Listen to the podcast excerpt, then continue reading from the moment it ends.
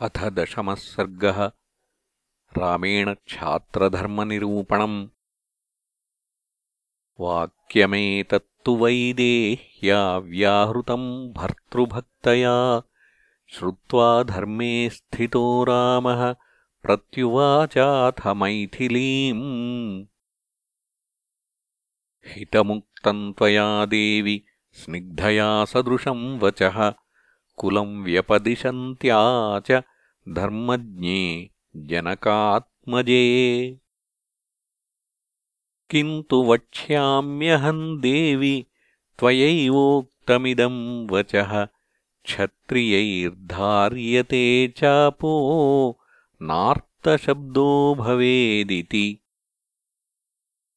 ते चार्तादण्डकारण्ये मुनयः संशितव्रताः।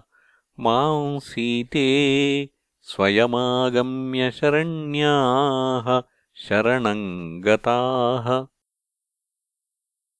वसन्तो धर्मनिरता वने मूलफलाशनाः न लभन्ते सुखम् भीता। राक्षसैः क्रूरकर्मभिः काले काले च निरता नियमैर्विविधैर्वने भक्ष्यन्ते राक्षसैर्भीमैः नरमांसोपजीविभिः ते भक्ष्यमाणा मुनयो दण्डकारण्यवासिनः। अस्मानभ्यवपद्येति मामूचुर्द्विजसत्तमाः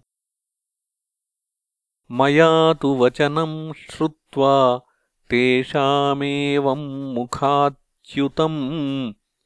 कृत्वा चरणशुश्रूषाम् वाक्यमेतदुदाहृतम्।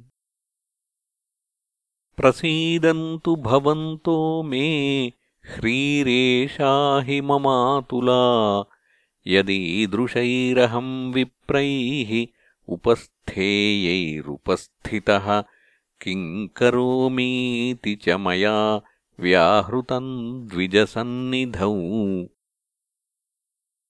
सर्वैरेतैः समागम्य वागियम् समुदाहृता। राक्षसैर्दण्डकारण्ये बहुभिः कामरूपिभिः अर्दिताः स्म दृढम् राम भवान्नस्तत्र रक्षतु। होमकालेषु सम्प्राप्ताः पर्वकालेषु चानघ धर्षयन्ति सुदुर्धर्षा राक्षसाः पिशिताशनाः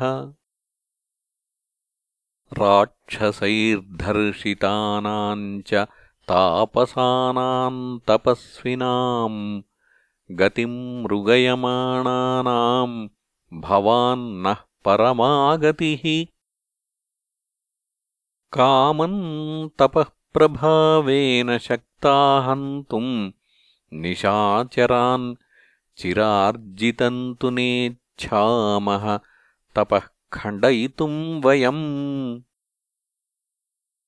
बहुविघ्नम् तपो नित्यम् दुश्चरम् चैव राघव। तेन शापम् न मुञ्चामो भक्ष्यमाणाश्च राक्षसैः। तदर्द्यमानान् रक्षोभिः दण्डकारण्यवासिभिः रक्षनस्त्वम् सह भ्रात्रा त्वन्नाथा हि वयम् वने। मया चैतद्वचः श्रुत्वा कार्त्स्न्येन परिपालनम् ऋषीणाम् दण्डकारण्ये संश्रुतम् जनकात्मजे।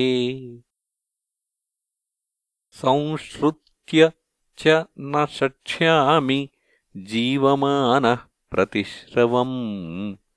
मुनीनामन्यथा कर्तुम् सत्यमिष्टम् हि मे सदा। अप्यहम् जीवितम् जह्यान् त्वाम् वा सीते स लक्ष्मणाम् न तु प्रतिज्ञाम् संश्रुत्य ब्राह्मणेभ्यो विशेषतः। तदवश्यम् मया कार्यम् ऋषीणाम् परिपालनम्। अनुक्तेनापि वै देहि प्रतिज्ञायतु किम् पुनः। मम स्नेहाच्च सौहार्दात् इदमुक्तम् त्वया नघे परितुष्टोऽस्म्यहम् सीते न ह्यनिष्टोऽनुशिष्यते सदृशम् चानुरूपम् च कुलस्य तव चात्मनः सधर्मचारिणी मे त्वम् प्राणेभ्योऽपि गरीयसी।